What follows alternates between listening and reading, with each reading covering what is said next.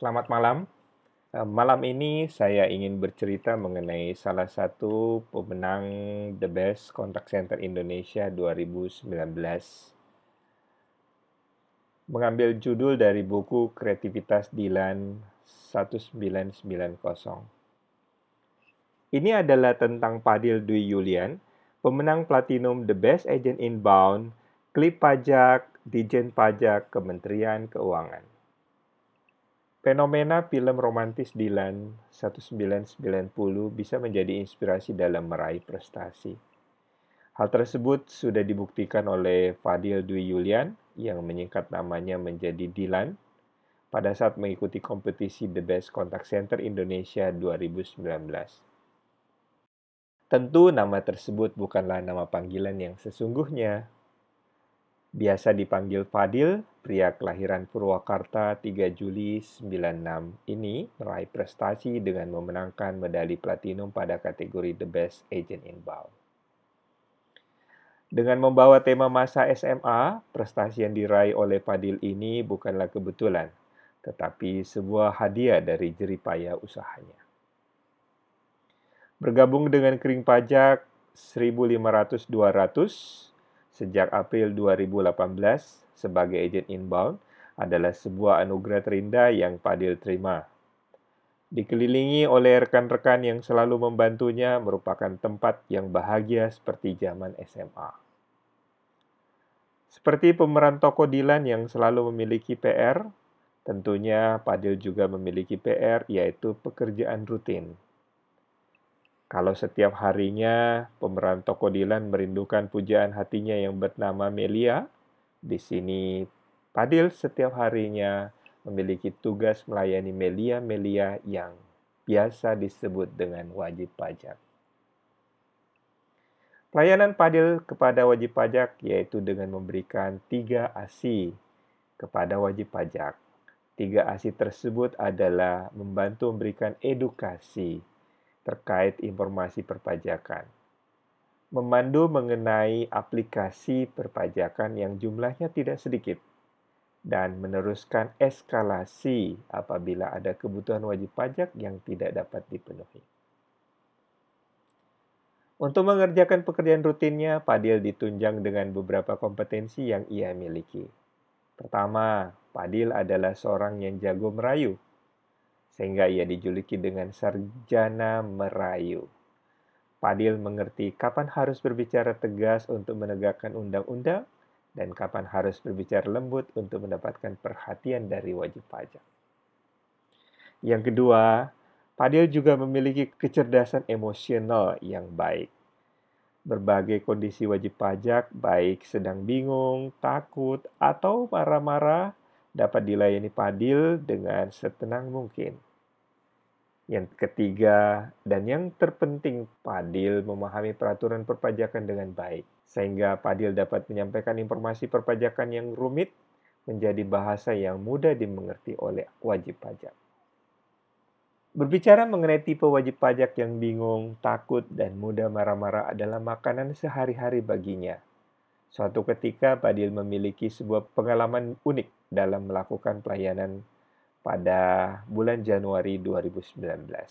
Ada seorang wajib pajak pria yang memiliki gangguan anxiety disorder menghubungi Padil dan menanyakan terkait tax amnesty dan pemutihan pajak. Wajib pajak tersebut memiliki harta dari luar negeri yang ia ikutkan dalam program tax amnesty sebesar 30 miliar rupiah. Menurut ketentuan, harta tersebut harus diinvestasikan di Indonesia minimal selama tiga tahun dan tidak boleh ditarik. Wajib pajak tersebut menanyakan aturan menarik harta tersebut sebelum tiga tahun dengan alasan tidak memiliki penghasilan dan pekerjaan. Untuk menjawab pertanyaan tersebut tentunya sudah ada jawabannya dalam pasal 8 dan 13 Undang-Undang Tax Amnesty. Yakni jawabannya adalah tidak diperbolehkan. Tentunya jawaban tersebut tidak berlaku karena tujuan menelpon ke kering pajak bukan untuk mendapatkan jawaban, melainkan mendapatkan pembenaran dari klip pajak untuk diperbolehkan melanggar undang-undang. Wajib pajak tersebut menelpon terus-menerus berhari-hari sampai tercatat dalam sistem dalam sehari ada 9 kali panggilan. Pertanyaan yang diajukan menjadi berandai-andai dan tidak ada ujungnya sampai durasi telepon mencapai 50 menit. Sehingga sosok wajib pajak tersebut menjadi sosok yang menakutkan bagi para agen. Untuk melayani wajib pajak tersebut, Padil memiliki tiga kreativitas. Yang pertama, pada saat orang lain cemas, Padil justru tenang dengan menggunakan obat penenang yang diberi nama kocok peras. Kopi coklat, perda rasa cemas anti lemas yaitu biji kopi yang selalu disimpan dalam kubikel oleh Padil yang selalu ia kocok lalu peras dengan tujuan menghasilkan aroma kopi yang menenangkan. Setelah merasa tenang untuk menghadapi wajib pajak tersebut, Padil menggunakan logika untung rugi.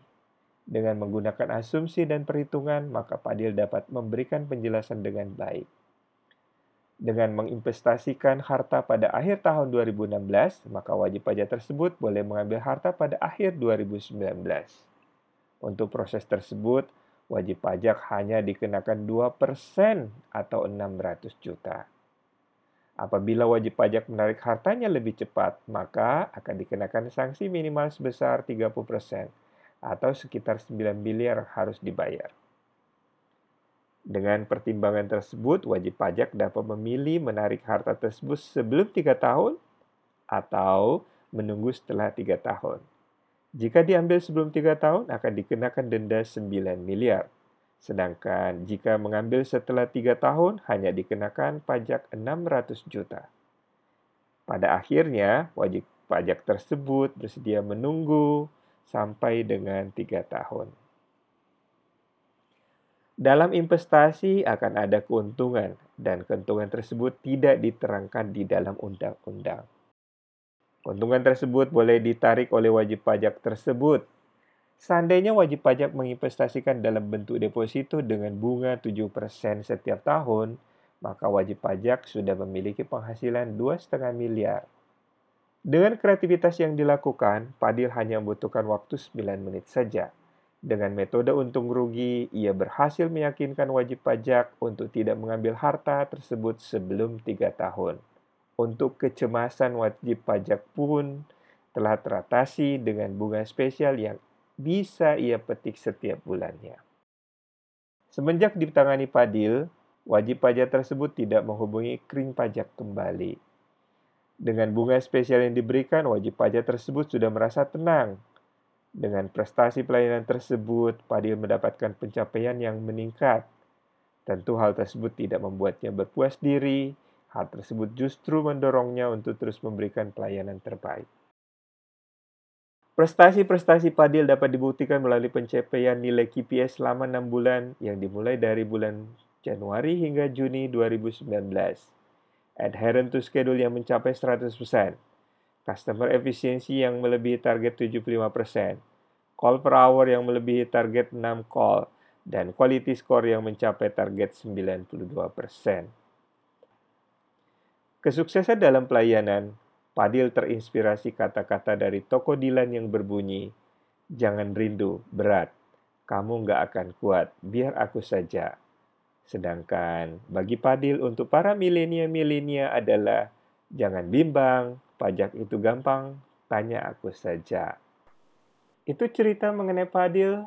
Nah, tunggu cerita selanjutnya bersama cerita pemenang The Best Contact Center Indonesia.